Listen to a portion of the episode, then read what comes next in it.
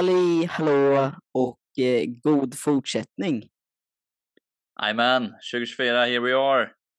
Ja, här är vi. Första avsnittet för, eh, för i år. Jajamän, jag är redo. Nytt Hur år, har- nya möjligheter. Alla något. Eller s- nytt år, samma möjligheter. Ja, hur ser träningen ut för dig nu? Vi har ju inte snackat på ett tag nu ändå. Nej, Eh, Hur har det gått vi- med träningen och allt? även att vi är bröder så eh, pratar vi inte jätteofta med varandra nu för tiden. Men eh, ja, träningen har gått bra. Mm. Eh, eh, det är mycket träning just nu. Det är, Ja. eh, jag har lagt upp det, det uppdelat på hela veckan. Så det är sju, sju dagar i veckan som jag tränar. Alltså du kör varje dag nu? Ja, jag kör varje dag. Men jag kör inte så... eh, Det är inte så intensivt i pass liksom. Så att det är ju... Det är ganska Nej. lugnt. Eh, ja, de flesta dagarna är det ganska lugnt. Men eh, jag har tre dedikerade löpningsdagar och fyra dagar med styrketräning. Nej, okej. Eh, Hur Och sen- ser eh, styrkedagarna ut då? Det är lite helkropp eh, för det mesta. Mm. Och sen så är det... Eh, ja, men jag, jag har försökt strukturera upp det så att det inte tar oändligt med tid. Ja. Så att jag ändå kan få det, få det att gå. Mer, mer för att bara utsätta mig för olika typer av rörelse och variation. Eh, Mm. Och eh, ja, men belasta lite olika muskler leder än, enbart eh, löpning liksom. Ja. Mm. Ja men eh, helkropp och med olika typer av fokus på varje pass. Mm. Så liksom överkropp, underkropp eller eh, så. Vad kör du för typ av eh, split på eh, träningen då? Kör du ben två gånger eller kör du Nej, överkropp? Ben Svars? två gånger går inte nu när Nej, jag det- tränar. Ja, det jag misstänkte. Men då har du tre Eh, pass för överkropp då? Ja, alltså jag har ju... Jag har ju för sig, om man ska räkna med liksom ett eller två set ben på en dag så har jag ju två Ja. bendagar. Ah, okej. Men eh, alltså volymen för benen är väldigt lite. Ja. Mm. Så jag har, men det mesta är ju överkropp. Liksom. Det, Kul, kul. ja, Kör du för Det- övningar då? då? eh, ja, kör jag. Jag kör eh, det jag brukar. Men bänk, bänkpress eh, och sen lite tyngdlyftning. Eh, och så kör jag, eh, ja vad kör jag mer? Ja men lite press över huvudet. Liksom ganska basic, inget Mm. fancy direkt. Pull-ups. Mm. Ja, okej. Kul att du fortfarande har bänk i. Den trodde jag du hade skrotat. Nej, det har jag inte.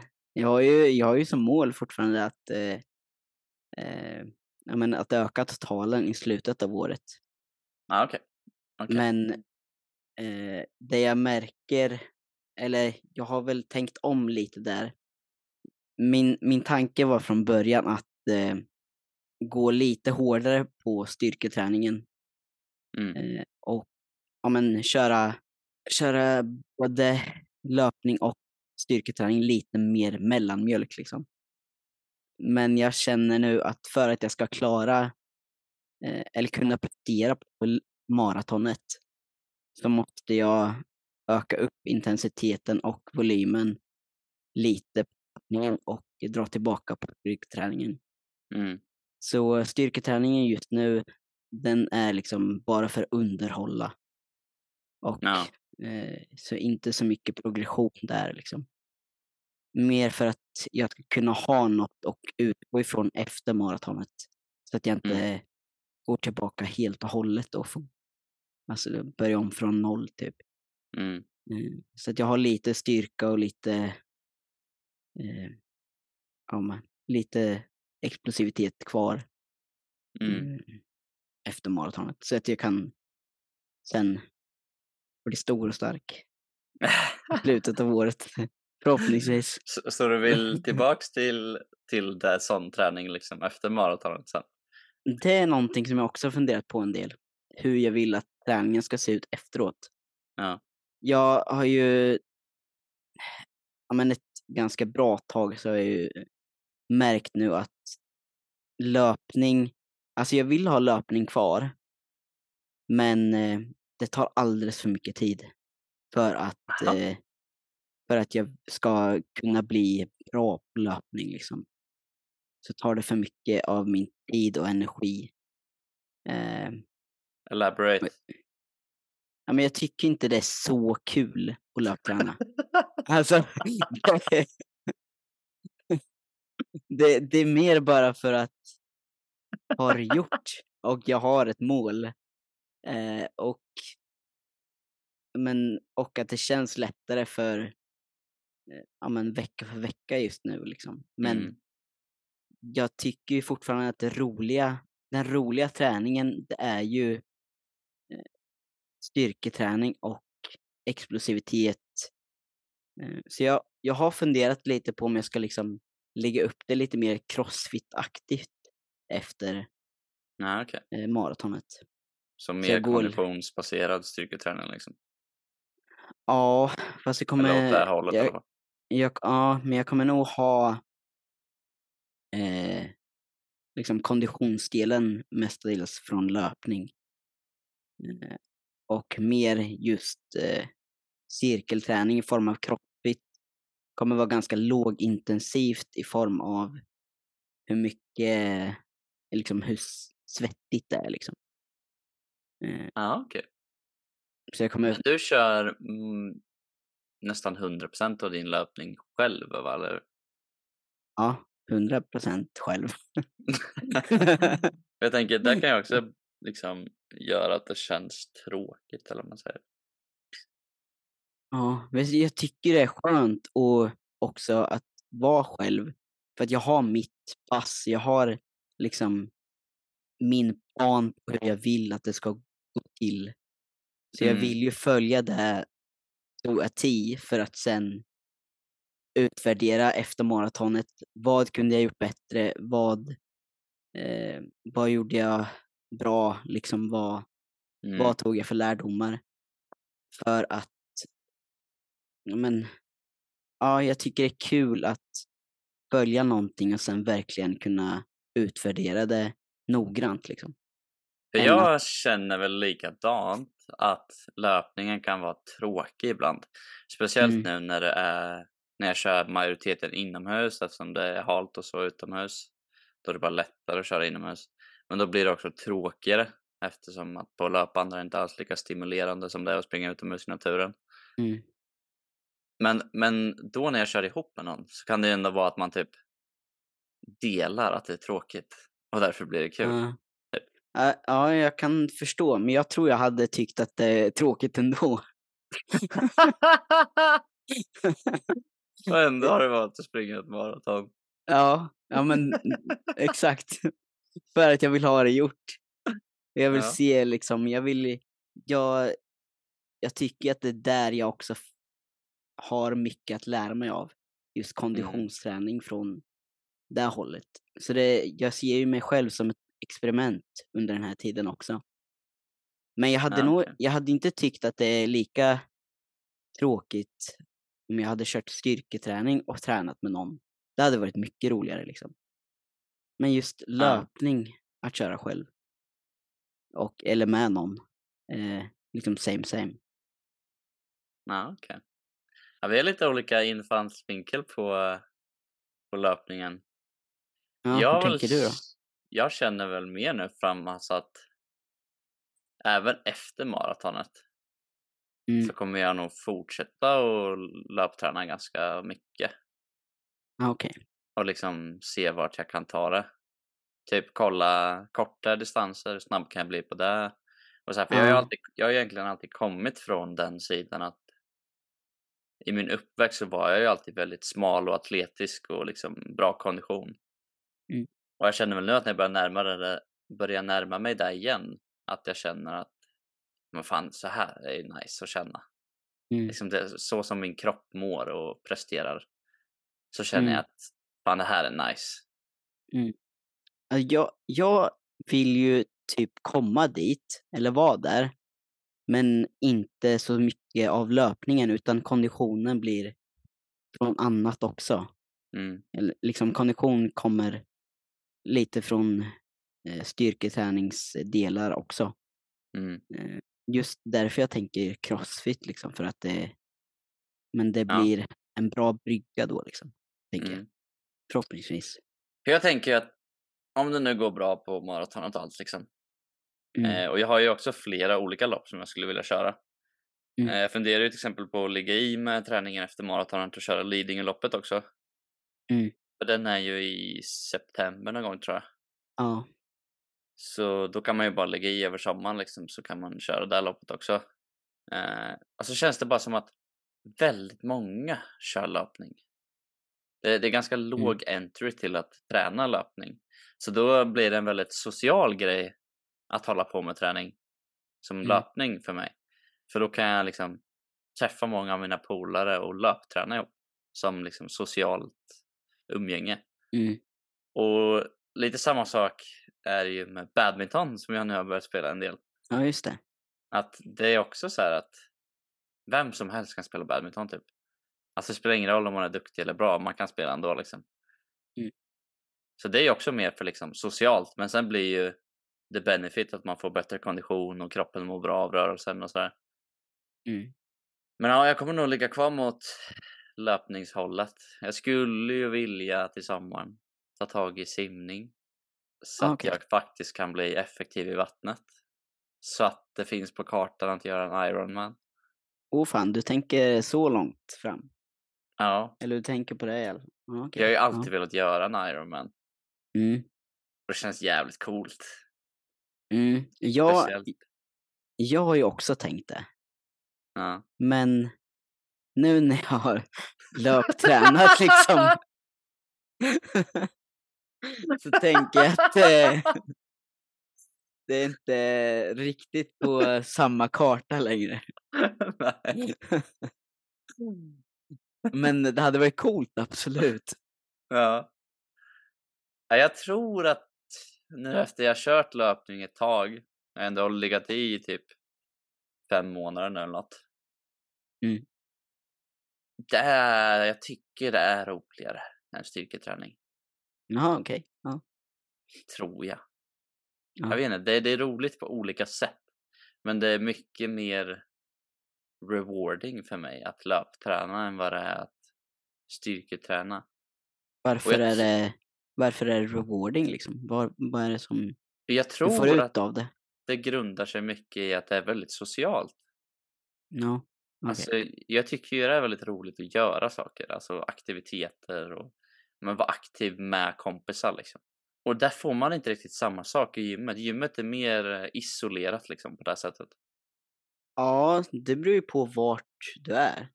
Alltså, är du på Friskis, absolut.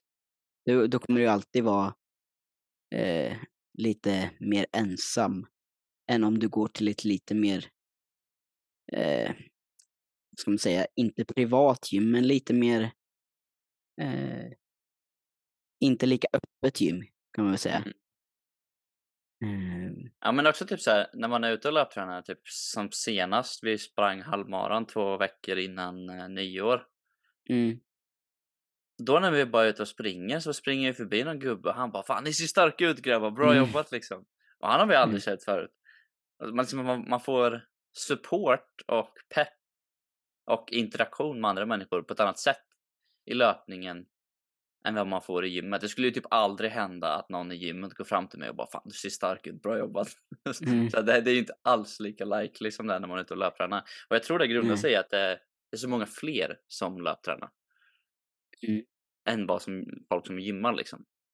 Men det är också, det är också mer relaterbart för många. Ja men precis, precis.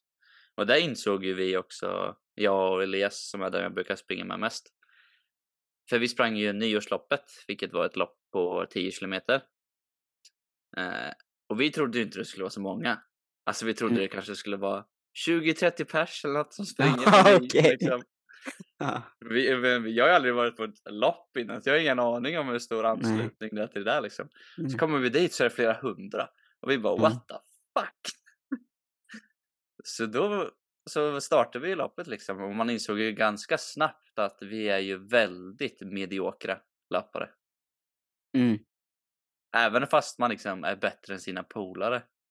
Ja. Men det är så jävla många som löptränar. Mm. Så i det stora hela är vi ju ultramediokra liksom. När vi hade sprungit sju kilometer, Ja. då sprang vi förbi en gubbe som var typ 60-70 som körde liksom samma tempo som oss. Och då kände vi bara what the fuck. Ja. Så, ja. Det, tar, det tar ju tid att bygga kondition också. Som det, Mm. det är ju ingenting man ska ta för givet att man blir Nej. direkt eller börjar löp, löpa liksom ett fyra tempo direkt. Mm. Nej, men jag, jag tycker det är väldigt, väldigt roligt och givande. Jag har ju gått ner i vikt också nu en del. Eh, så jag känner mig lättare. Och det har fortsatt. Och vi har ju pratat om det innan i podden att jag har varit lite tveksam till att gå ner i vikt. Mm. Men nu känner jag typ att det är skönt att gå ner i vikt. För allting jag gör bara känns lättare. Mm. Och det känns som att jag, min kropp egentligen vill vara lägre ner. Mm. För att i och med att jag aldrig har någon hunger till att äta mer för att bli större liksom. Så känns det som min kropp generellt vill ligga på lägre. Ja. Men du har ju Eh. alltid du har ju alltid haft en ganska låg set. Eller liksom där Mm. du känner dig bekväm. Mm. Jag är ju tvärtom. ja, men jag känner av det mest typ eh, nu när vi började spela badminton. Det gjorde vi. Jag och en polare från plugget började med det nu, eh, nu 2024 för vi pratar om det våra nyårslöften så att vi vill göra mer aktiviteter med kompisar liksom. Typ Mm. så här gå och klättra eller köra badminton, bara testa nytt liksom. Mm. Eh, så då bara, men fan vi ska inte köra badminton då? Och Mm. jag tänkte typ, men i och med min knäskada och sådär och liksom att alltid har varit lite shaky. Så visste jag inte riktigt hur det skulle gå. För senast jag spelade badminton innan den gången. Det var Mm. ju för några år sedan och då hoppade ju mitt knä och led. Liksom det var ju vart min skalle gick. Men det gick ju skitbra. Eh, och min kropp håller bättre än någonsin. Och det känns som att jag bara kan röra mig på ett helt annat sätt som jag har velat göra. Gentemot vad jag kunde när jag körde styrketräning och var lite större liksom. Så det känns som att jag verkligen kan vara atletisk igen. Liksom jag kan uttrycka vad min hjärna tänker att den kan. Vilket jag inte har kunnat gjort innan på grund av min knä och min kroppsvikt har hindrat mig liksom. Så det är väldigt roligt att få köra badminton och kunna känna att fan, jag är bra på det här. Eller liksom, jag kan bli bra Mm. på det här. Så Ja. ja, det förstår jag. ja jag har saknat lite det. Eh, jag har också hört av mig till uh, Chalve, vilket är en klubben här i Norrköping Fri, friidrottsförening. Ja, precis. Så de håller på med löpning och så. Har mejlat lite fram och tillbaka med dem gällande vad de har för, eh, ja men om de har några träningsgrupper eller om man kan få tillgång till, för de har ju arena i Stadium Arena med Mm. bana inomhus. Eh, och vilka tillgångar det finns att träna där.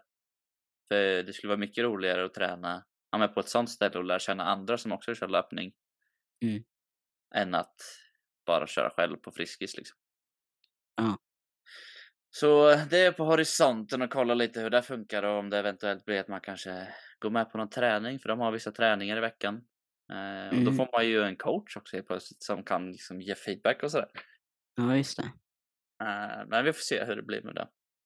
Mm. Men tillbaks lite till din löpning. Vi har inte pratat om hur dina nya skor kändes. Förra gången vi pratade om det så hade du precis Ja, börjat med dem. Men nu har du kört ett tag. mm. Så hur känns nu, nu känns de bra. Eh, ja, men de känns, de är väl fortfarande något stora kanske. Ja, okej. Bara lite, men jag tror, tror att det här kommer vara bra på maratonet. Eh, just för att jag tror eh, fötterna kommer svälla lite då. Och det Mm. kommer vara lite varmare. Eh, så att jag tror, tror det kommer bli bra. Var det en Nimbus du köpte? Ja. Eh, A6 Gel Nimbus 25 tror jag. Ja, just det, just det. Ja, jag känner ju typ idag, när jag har lite för tjocka strumpor på mig, Mm. då känner jag ju att min fot sväller in i skon liksom. Mm. Och det är ju inte skönt. Så jag måste ju ha rätt par strumpor på mig när jag springer längre Mm. distanser. För annars så sväller de upp och slår i liksom i tårna. Mm. Ja, Så jag tror det nu, kan man gynnas av att ha lite, lite stora. ja, just nu kör jag tvärtom mot dig. Jag har ju lite tjockare strumpor än Ja. eh, de tunnaste liksom som jag har. Mm. Eh, men eh, jag får se på maratonet liksom vad, vad det blir då. Men det finns ju mer, mer eh, valmöjligheter om man har en liten större sko än för Ja, precis. liten sko. precis. Jag är ju ultra taggad på att det ska bli varmare utomhus. Jag Mm. hoppas ju att nu när jag tränat över hela vintern, att Mm. när jag kör mitt första pass utomhus så kommer jag bara känna Uff, we are on track. Om du jag inte hoppas- gör det då? Jag hoppas att jag känner så. För det känns väldigt bra när jag kör inomhus. Och nu när jag även har pulsband så ja, det ger ju bra data liksom. Mm. Så det känns bra. Jag hoppas att det kommer att bli nice. Jag tänker också att det, jag ser fram emot att köra med mina snabba skor utomhus sen. För nu kör jag ju bara med mina stabila eh, liksom vardagslöpningsskor. För att skona och bygga upp eh, fotlederna lite. Mm. Men eh, ja, det rullar på alltså. Men jag är taggad på att snön ska försvinna. Men eh, när jag hörde att det skulle bli minus 20 den här veckan. Så Va? eh, Ska det? får nog vänta lite till. Ja. Fan. Men det är Ja. 19 veckor kvar tills vi springer maratonet. Ja. Det är Knappt- helt sjukt. Knappt fem månader. Fyra. Jag kollade upp idag. Fyra månader och 18 dagar. Mm. För jag har kört första veckan av mitt maratonprogrammering nu. Mm. Och schemat är 20 veckor. Så det är 19 veckor imorgon. Då vi är inne på sista veckan liksom inom, inför loppet. Vi får se hur eh, den här preppen går. Ja. Försöker att hålla mig skadefri. Mm. Ja, det är det viktigaste. Eh, Ja. Jag kände ju ett tag lite små, små känningar i foten, fotleden typ. Mm. Men nu när jag har bytt sko så känns det bra igen. Känner det fortfarande emellanåt. Men det känns bra. Det var jävligt mört att springa idag. Bara för att jag körde badminton i två timmar igår. Så Ja, mina knän var lite så här. "Ugh." Ja. Men det kändes bättre efteråt. Mm. Hur, eh, hur har det gått nu med pulsbandet? Har du märkt någon skillnad från klockan eller? Ja, den är ju mer accurate. Kommer upp i zon 4 nu? Eh, Ja, emellanåt. Ja. Men det är precis när jag väl gör det. Jaha. Så på mitt, jag har ju ett intervall slash threshold pass. Där jag Mm. kör snabbare än maratontempo. Så då kör jag typ 4.30 tid per kilometer. Okej. Då kommer jag upp i 165 kanske som max. Så Mm. det är precis zon 4 för mig. Men högre än så kommer jag inte. Liksom Nej. kroppen och mjölksyran och allt säger ifrån då typ. Ja. Men jag har också lärt känna när jag är på 160 puls. För Mm. jag börjar eh, sektionera min puls, eller vad man ska kalla det. Jag börjar liksom, så här per steg så tar jag en viss antal antal, andetag. Mm. Och då vet jag att ah, nu är jag på 160 för nu måste jag börja göra så. Okej. Ja. Så jag liksom lär känna mig själv så att även om jag inte skulle ha bandet så skulle jag kunna köra ett sånt pass för jag vet nu när jag är uppe i den pulsen liksom. Ja, just det. Och det märkte jag bara helt random när jag körde den här onsdagen. För tydligt, jag har ju sett att när man har ett sånt pulsband som vi kör med. Mm. Den kopplar ju upp till löpbandet automatiskt. Ja, ja precis. Det är ju skitsmidigt. Mm. Kan man bara kolla på bandet istället vad man har för puls istället för att kolla på klockan hela tiden. Ja. Jag, jag har ju min, eh, min eh, mobil liggandes vid löpbandet. Ja. Bara för att dubbelkolla ibland. För jag märker att den Ja, den diffar med löp, löpbandet, ja, löpbandet kan vara lite efter ibland. Men eh, ja, ja, det är smidigt, absolut. Men jag känner också när jag kör inomhus en del att det är väldigt jobbigt att springa bredvid folk som inte kör samma typ av löpning. Vadå då? Så när, när jag körde i tisdags, då har jag ju mitt 5 kilometers maratonhastighet, så 5.30 tempo. Ja. Och så kommer en kille typ halvvägs in i passet, kommer en kille och kör intervaller bredvid mig. Mm.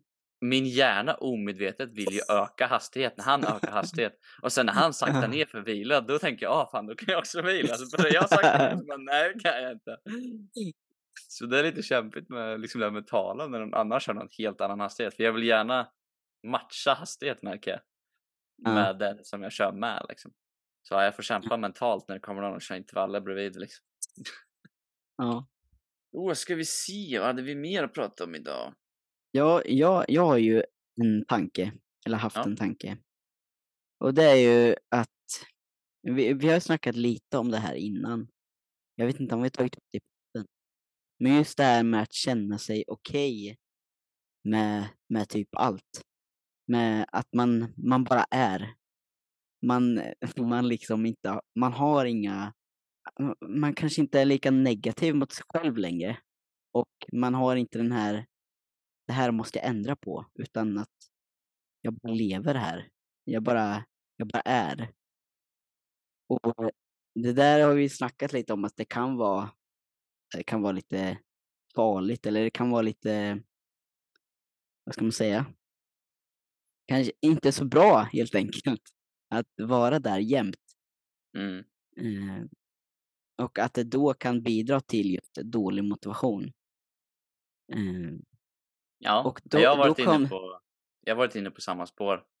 Med att det är väldigt skönt mentalt att vara okej ja, med tanken av vart man är och sådär. Men det är ju, det är ju ett hål. ja, Svårt att progressa liksom. ja, men, men liksom man gräver i sig ett hål och sen så märker man inte att man är där förrän hålet har blivit jävligt djupt. Mm. Eh, och jag, jag har ju haft en tanke då också, eller fått en tanke med det här, att det kan ju vara hälsosamt att känna sig mindre okej med saker och ting. Men det måste ju inte alltid komma från ett dåligt eller negativt ställe. Utan man Mm. kan ju vilja ändra på saker och ting utan att det blir ett negativt liksom. Mm. Så det vi menar alltså när vi pratar om att vara okej med tanken av saker. Det är ju då i perspektivet av att vara okej med i positionen man är och vart man är på väg. Att det Ja. är den tanken man är okej med. Oftast när folk gör ändringar i sitt liv eller liksom när det kommer till motivation av att göra vissa saker så grundar sig det väldigt ofta i någon typ av tanke att Nej, men här vill jag inte vara. Ja, eller precis. där vill jag hellre vara. Mm. Och då är det någon typ av eh, ovikt i balansen i hjärnan med vart man vill vara och vart man är. Vilket gör att man får en typ av motivation till att ändra saker och ting. Mm. Men vi pratar ju däremot dock om att om det är en jämvikt, man känner sig okej med vart man är. Men då bidrar ju det också till att man kanske får dålig motivation. För du har, Mm. ser ingen vits med att ändra någonting eftersom du är ju okej med hur det känns. Mm. Och så har väl jag känt framförallt med styrketräningen nu när jag löptränar.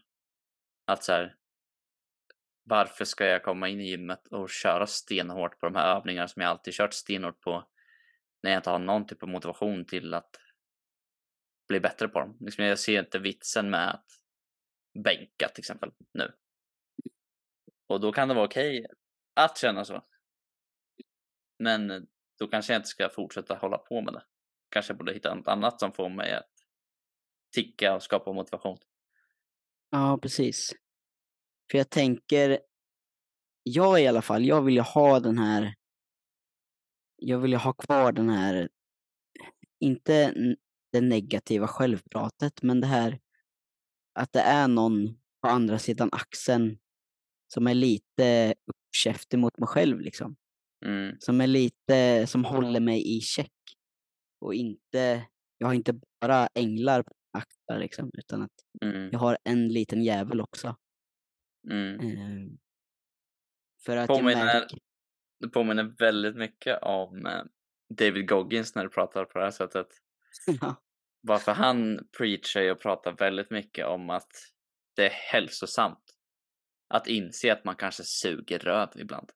Ja, men precis. Ja, Att bara, exakt. fan vi måste ändra saker för vi suger. Ja. Jag pratade ju han, han hade ju en podd med Huberman nyligen. Där de pratar om just det här. Att göra saker som man kanske inte vill göra. För att bygga resilience liksom och vilja att göra saker. Och då säger ju han det att liksom när han var som störst, när han vägde ja, upp mot 200 kilo tror jag han vägde. Väldigt mycket vikt i alla fall. Så sa ju han att han sa till sig själv att bara så här vill inte jag vara. Det här är inte Mm. ett liv jag vill ha. Mm. Och då är det okej att inte tycka att det är okej. bara för att skapa den här motivationen till att ändras. Mm. Om det Mm. nu är där man vill uppnå liksom. Precis. Så Det- big recommend till den podcasten. Där de Ja, pratar om den... det. Ja. Ja, jag, jag har ju tänkt den här tanken och liksom det är ju därför jag just nu tränar sju dagar i veckan också. Mm. Och jag har ändrat mitt eh, träningsschema helt enkelt för att lägga lite mer tid i eh, liksom åt löpningen och inte vara mellanmjölk både styrketräning och löpning liksom, utan att lägga, lägga liksom mer energi åt det jag faktiskt vill just Mm. nu. Och skapa motivation ur det. För jag, jag suger på löpning, liksom. Jag, Mm. jag är ingen löpare fortfarande, i mina ögon. Men det liksom genom att ha den här, det här steget så skapar det en liten drivkraft på mig att jag vill inte suga mer, så nu, nu steppar vi upp liksom. Ja. Inne på det här spåret lite att kritisera sig själv. Jag tror det är därför jag tycker att löpningen är så rolig. För att löpningen är mer pålitlig med hur jag presterar. När det kommer till styrketräning så kan det liksom, en dålig dag och en bra dag kan diffa ganska mycket i Jaha. prestation liksom. Speciellt när jag tänker tillbaks typ när jag körde mycket bänkpress och sådär. Det kunde ju skilja liksom 3-4 reps på en bra dag och en dålig dag. Om jag hade ätit, sovit, ja men allt sånt där liksom. Däremot med löpningen så är jag typ alltid lika bra. Mhm. Så Mm. det, det är mer motiverande att komma in och bara, även fast jag inte har en bra dag, så kan jag bara komma in och bara, "Ja, men jag kör bara min 5 km på det här tempot. Så har jag gjort det liksom. Kanske har lite mer puls än vanligtvis, men liksom det kommer fortfarande gå bra. Okej. Ja. Så, på, sa- så det är inte liksom det är inte taxerande för det mentala på samma sätt. Utan jag känner typ alltid att det är lätt att löpa. Ja. Jag Ja, måste jag- bara kämpa med mig själv liksom. ja. Jag känner ju att är same same för både styrketräning och löpning för min del. Mhm. Att eh, ja, men, vad, jag, liksom, vad jag ger in får jag ut. Eh, oavsett om det är löpning eller styrketräning. Ja, okej. Jag ser styrketräning mer som eh, toppar och dalar. Och konditionsträningen mer som liksom linjär Linjär. progression. Liksom. Jaha, Det känns som ja. när det kommer till löpningen, jag måste bara, jag måste bara få in kilometerna, jag måste bara få in hastigheten. Och så kommer jag omedvetet få bättre prestation. Liksom. Det är oundvikligt. Men så, så kan man ju se det på eh, styrketräning också. Får du in repsen så får du in eh, liksom eh, då kommer det omedvetet också. Ja, men jag tror det blir så mentalt för mig med styrketräningen för att jag ser ju vart jag har varit också. Ja, ja det har ju en, Löpningen är det ju blankt liksom. ja, ja, det spelar ju in såklart. Så jag tror att det gör mycket liksom för eh, det mentala. Och det är också skönt att tillbaks till det här perspektivet med att vara okej med saker. Det är Mm. skönt att bara kunna vara okej med styrketräningen. Att inte hela Mm. tiden bara känna att jag måste Mm, prestera så jävla bra hela tiden. Utan det kan Ja. jag göra på löpningen liksom. mm, Så jag kan bara gå in i gymmet, köra där jag ska köra. Typ nu kör jag mycket kroppsbaserad träning. Så idag till exempel efter löpningen så körde jag lite pull-ups. Och då kör jag bara 3 gånger 10 liksom. Även fast jag Mm. kanske kan göra 20 första och sen 15 andra och liksom sådär. Så är jag bara, ja men det är okej att bara göra 10 tre gånger. mm, För det är liksom en bra baseline. har jag bestämt liksom. Mm. Och det är så skönt med sån typ av träning. Jag har inte haft sån typ av träning på jag vet inte hur många år. Så det är skönt att bara kunna, att träningen bara är träning. Det är inte så Mm. mycket investment liksom.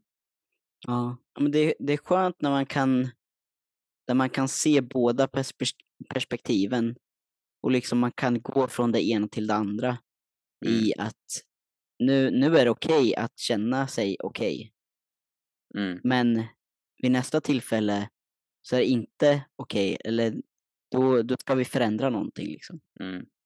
Ehm, så att man kan liksom väldigt, dem.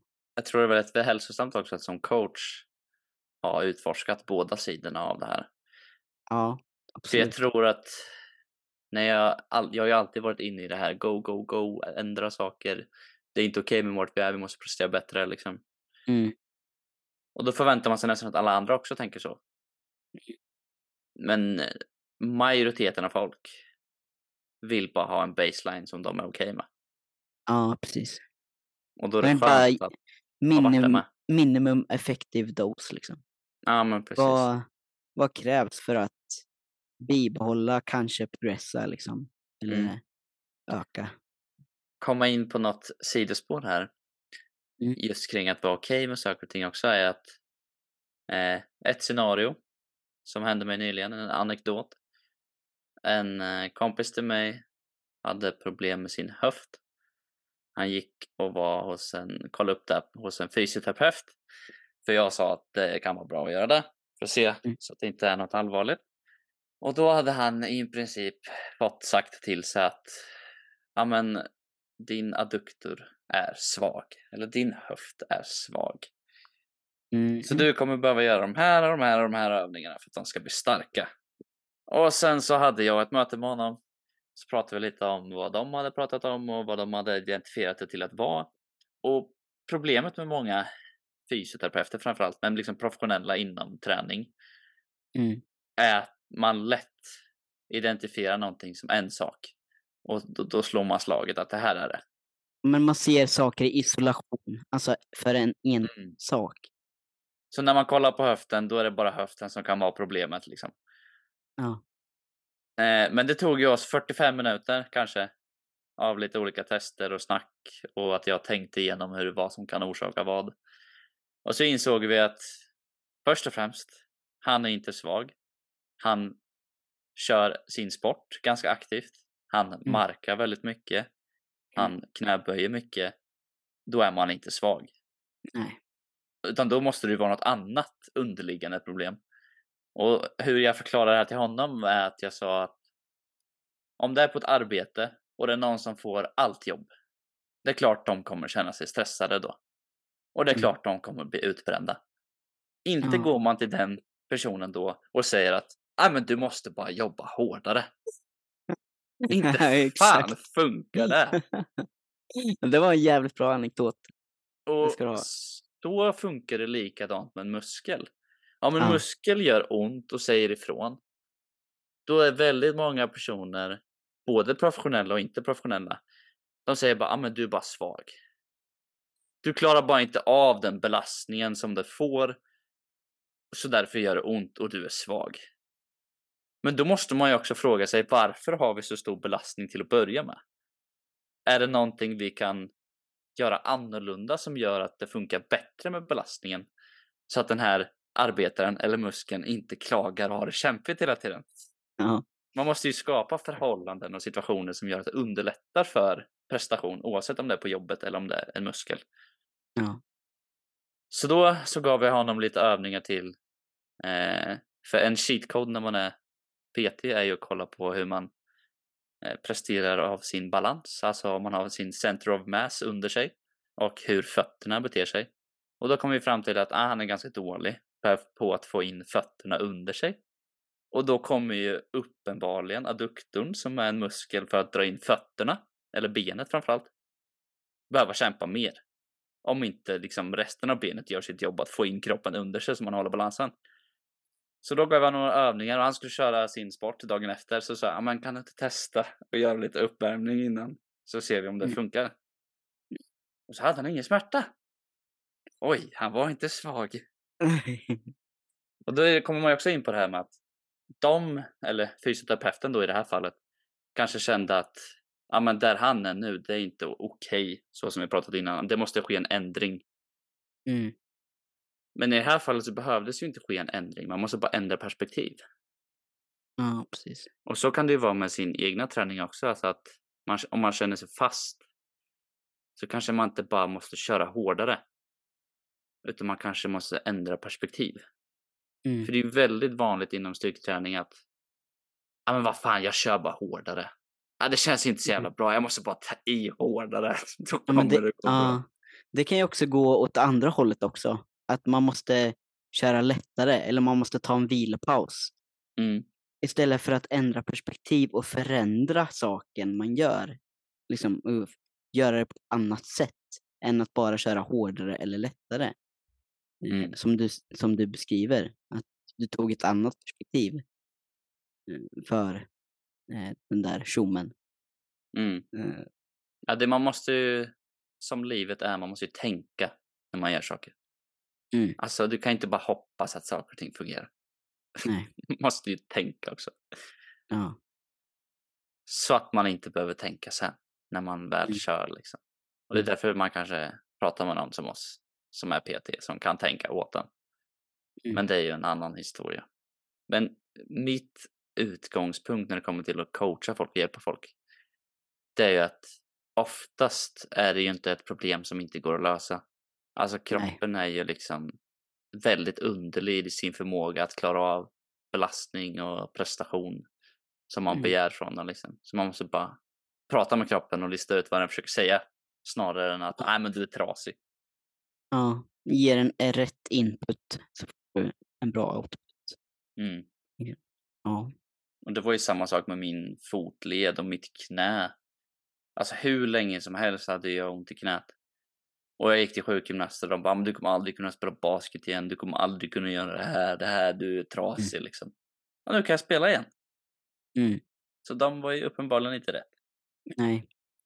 Men det är ju, man, det är ju som vi sa, att det är, det är så lätt att kolla på saker, en sak, när det är liksom, man måste kolla helhet och livsstil och liksom allting som kan spela roll, inte bara en enskild sak där du har ont. Utan Mm. liksom, vad spelar in i det, det som du har ont i liksom. Mm.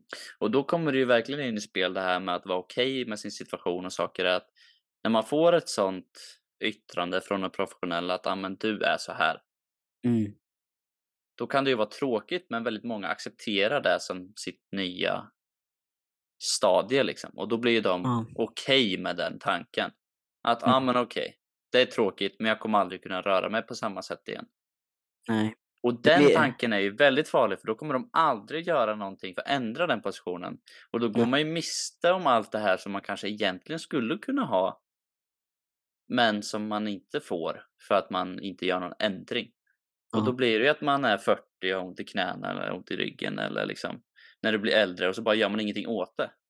Nej. För man Ja, tänker det- att ah, men nu är jag för gammal. Bara, nej, Ja. det är du inte. Kroppen är underlig och det går. Ja, men det blir liksom som att man... Eh, det blir en självuppfyllelse. Och att man Mm. drar den här som en ursäkt hela tiden. För att inte Mm. göra någonting. Fast det är egentligen det man vill göra. Mm. Så det, ja, det är... Ja. Stämplar är sällan bra. Ja. Mm. Det är bra att utforska nytt. Prata med folk. Mm. Lära sig nya saker liksom. Sen säger jag inte att vi kan allt i världen heller. Nej, nej, men gud nej. eh, uppenbarligen listat ut någonting som hjälper några typer av människor i alla fall. Mm. Ja, och sen, är, sen säger vi inte att alla fysioterapeuter är dåliga. Det finns ju absolut, Mm. absolut bra och vettiga fysioterapeuter. Jag tror det kan bli, så är det ju i alla yrken, men det är ju lätt Ja, att efter en utbildning, när du kommer ut i arbetslivet så känner man att ah, men nu har jag lärt mig det jag måste kunna. Mm. Och då blir man ju också okej på ett sätt med vart man är. Mm. Och då blir det ju ingen progression. Nej. Att du inte kommer utmana där man redan tänker liksom. Mm. Och då blir det också liksom en självuppfyllelse att, ja men, ja vi är okej med det här, då kommer vi aldrig bli något mer. Ja. Det är, det är min, en av mina största faror eh, när det kommer till mig som coach.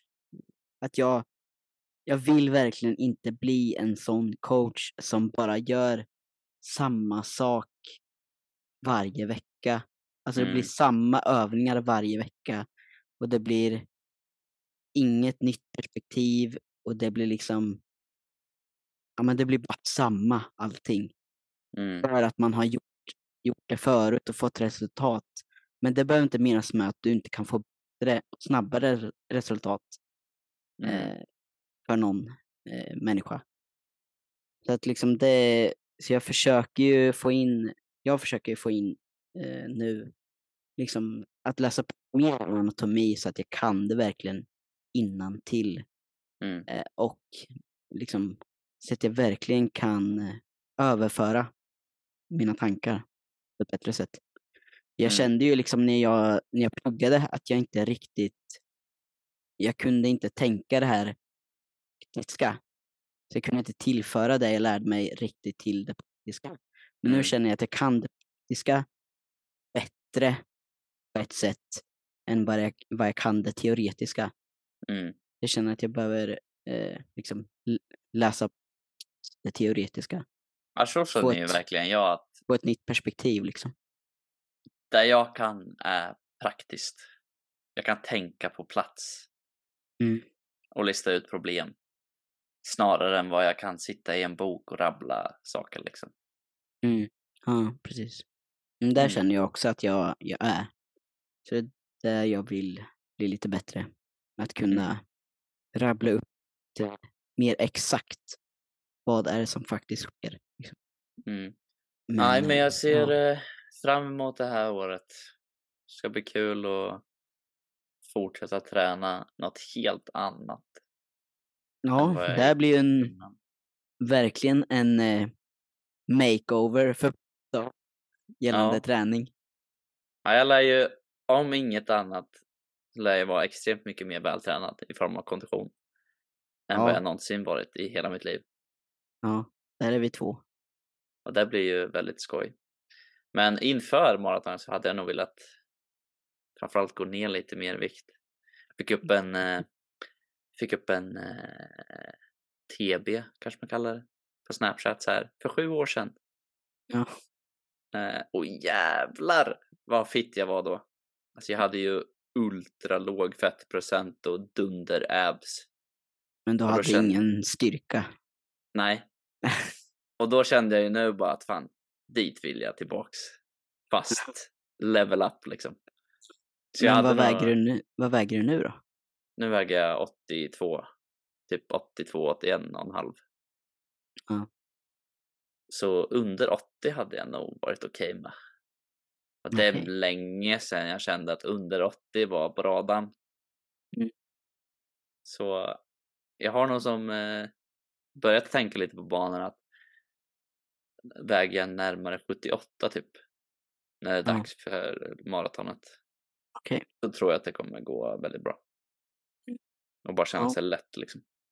Ja, jag, jag eh, har ju också tänkt samma sak. Mm. Men eh, jag vet inte heller om jag eh, kommer palla med att gå ner i vikt. Samtidigt som jag tränar så mycket som jag kommer göra. Liksom. Mm. Eh, Ja, för mig sker det ju typ automatiskt. ja, Jag följer ju bara mer vad kroppen vill. vad jag Mm. gjort innan. Och så ja, det- jag ska vänta. För nu har jag satt eh, liksom en, en plan för min kost. Eh, så jag eh, ska vänta några veckor och eh, liksom se vad som händer. Mm. Och så får jag utgå från det. Mm. Så får vi se vart... Vad eh, väger du nu? Eh, 78. Ja, Okej. Vad vill du ner på då? Ja, men, Sub eh, 70? Nej, sub 70 mår jag inte så bra av, vet jag. Eh, av tidigare erfarenheter. Så jag tänker mig runt eh, 73 hade varit rimligt. Mm. Mm. Det kommer ju bli en jävla summer body i alla fall fram till maratonet. Kommer nog aldrig se så bra ut på beachen den här sommaren som jag har gjort på väldigt länge. Så det blir en rolig bieffekt av att träna mycket löpning och förbereda sig Ja. för ett maraton. Ja men det blir ju så. Det, man bränner ju, förbränner ju väldigt mycket men man måste ju också äta mycket. Så Mm. det blir ju en, eh, ja, eh, ett litet perspektivskifte för min del också att eh, det är därför jag också vill ha kvar löpningen i eh, framöver. För att jag, jag är ju liksom, jag gillar ju att äta mat liksom. Ja. Och äta gott liksom. Så att, så att Men det då, gör jag med. Men jag tänker på det på ett annat perspektiv. Ja, Det är snarare att jag njuter mindre när jag försöker äta mer. Så jag Mm. känner inte att bara för att jag äter mer så njuter jag mer. Utan det Nej. blir nästan som ett, som ett tvång att ah, fan, nu måste jag äta igen. Så nu när jag Mm. inte äter för att bygga, utan jag äter bara för att må bra. Mm.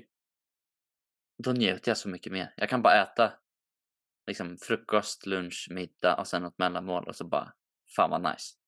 Jag Mm. behöver inte trycka tusen kalorier på det här mellanmålet liksom. Utan jag kan ta några mackor. Och det är bra liksom. mm, Men på, inne på kost. Jag funderar på om jag ska ta, börja med betalanin. Nu när jag ändå börjar löpa så mycket.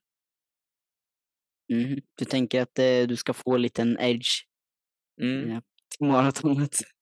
Jag tänker att eh, det är dumt att inte försöka få de här procenten när man kan få. Även att du är medioker liksom. Ja, det är jag. Ja. Jag hade ju velat vara mer än medioker.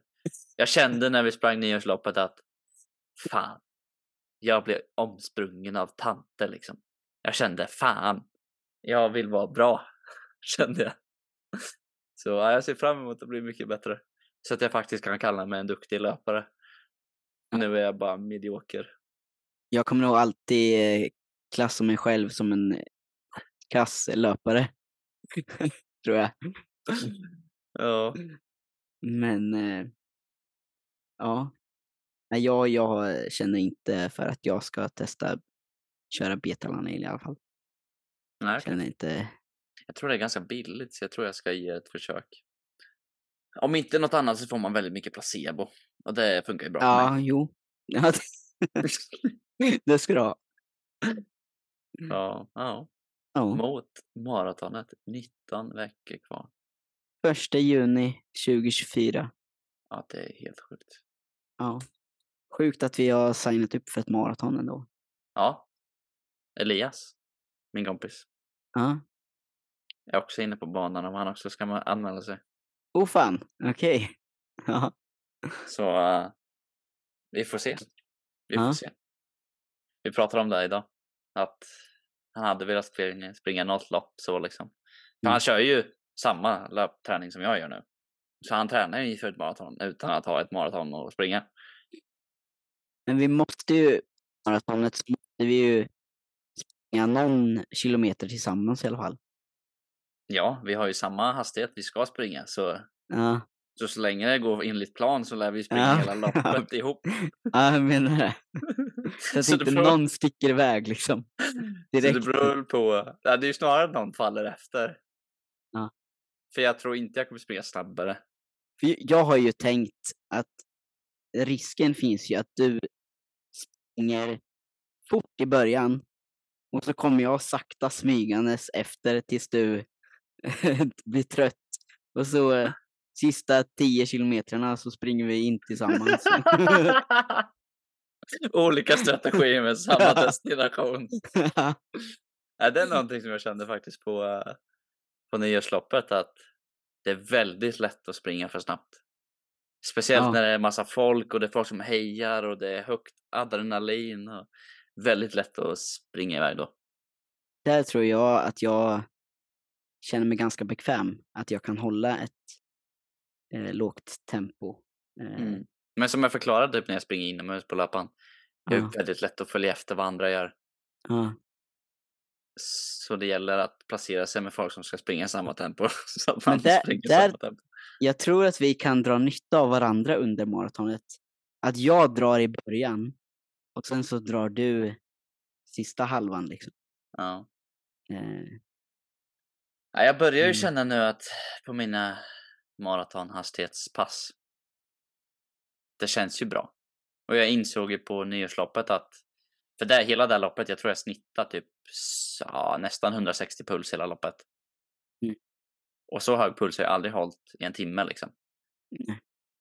Men det var också det jobbigaste jag gjort alltså. Alltså Ja. det var, det var jobbigt lopp alltså. Men, men jag, jag känner typ ingen mjölksyra i mina ben. Jag vet inte vad det är för fel. Vad, liksom, för jag, jag spenderar ändå ganska mycket tid, eller relativt mycket tid i zon 4 slash zon 5.